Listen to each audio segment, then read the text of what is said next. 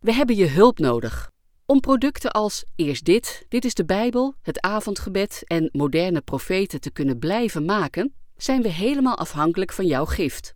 In deze collecteweek, die we twee keer per jaar houden, vragen we je daarom om een financiële bijdrage. Ga naar berichten in de Eerst Dit app of naar de website izb.nl en doneer daar gemakkelijk en snel aan de IZB via een tikkie. Overmaken kan natuurlijk ook. Het rekeningnummer vind je op de website. Alvast hartelijk dank voor je steun. Eerst dit, de Bijbelpodcast van de Evangelische Omroep, IZB en NPO Radio 5, die je elke werkdag helpt ontdekken wat Jezus volgen voor jou betekent. Vandaag door Dirk de Bree.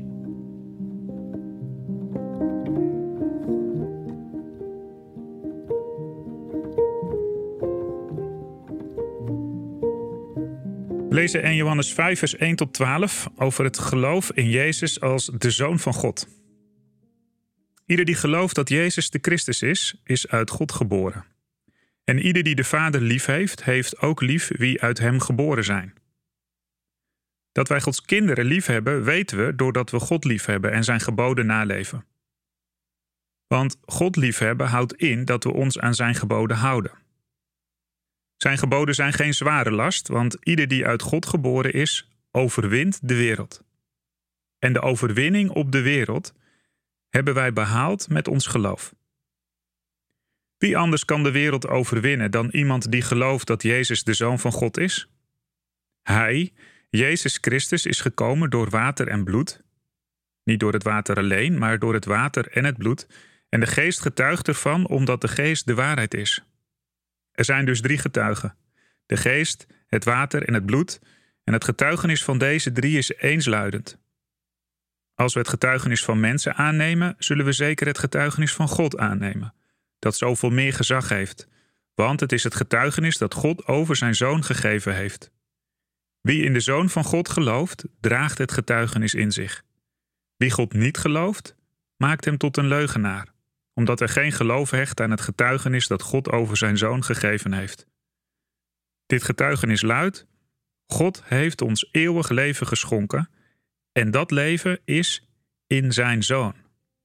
Wie de zoon heeft, heeft het leven. Wie de zoon van God niet heeft, heeft het leven niet.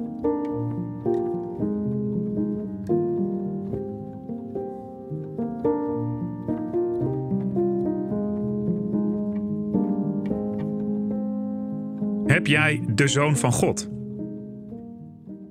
Klinkt bijna als zo'n straatevangelist. Je hoort de vraag, maar wat zeg je daar nu precies op? En wat betekent dat dan? Heb jij de zoon van God? Volgens Johannes is dat de vraag aller vragen. Hier draait het in zijn brief voortdurend om hoe je denkt over de zoon is van levensbelang. Dat maakt je christen of niet. Dat geeft je eeuwig leven of niet. Om de zoon te hebben, moet je uit God geboren zijn, zo lazen we. Dat maakt je kind van God en geeft je liefde richting.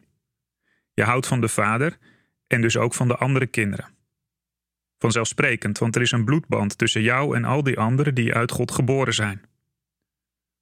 Omdat je aan de kant van God staat, overwin je de wereld. En die overwinning heeft weer alles te maken met je geloof in Jezus als zoon van God. Eerlijk gezegd duizelt het mij een beetje en jou vast ook. Allerlei lijntjes komen bij elkaar, maar ik krijg ze niet vanzelf allemaal aan elkaar geknoopt, zoals Johannes dat doet. Je moet de hele brief eigenlijk nog een keer lezen, inclusief het Johannes-evangelie, om zijn redenatie hier helemaal te volgen.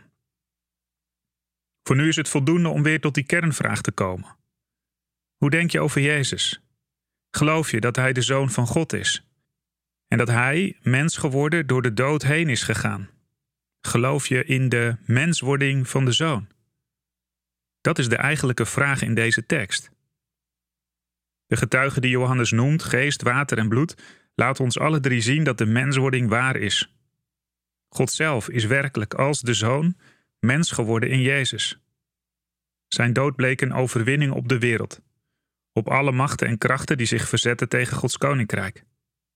Uit God geboren zijn betekent dat de Zoon in je tot leven is gekomen. dat gebeurt door geloof. Als de zoon in je leeft, zal ook jij uiteindelijk niet ten onder gaan aan de macht van de wereld. De zoon is immers overwinnaar. In hem overwin jij ook voortdurend en ooit definitief. Hoor deze ingewikkelde tekst vandaag dan ook maar als een aansporing om je identiteit volledig in de zoon te zoeken. Je niet af te laten leiden door allerlei stemmen die op je inbeuken en je waarde willen bepalen. Die waarde, die ligt in de zoon, omdat je met hem, met Jezus, kind van God bent. En dat ben je samen met vele anderen. Een wereldwijde kerk. In hem heb je vele broers en zussen om met en van elkaar te leren hoe je God lief kunt hebben. Geloof je dat? Heb je je dat eigen gemaakt? Als dit helemaal adacadabra is voor je, dan nodig ik je van harte uit om die vraag vandaag eens heel serieus te overwegen. Heb ik de zoon van God? Wat maakt dat je daarop ja zegt? Of nee? Of ik weet het niet? En wat staat je dan te doen?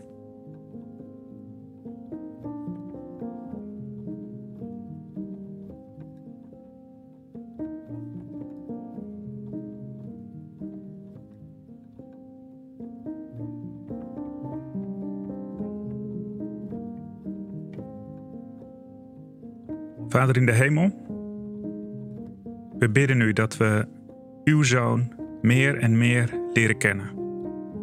Openbaar uw zoon in ons leven.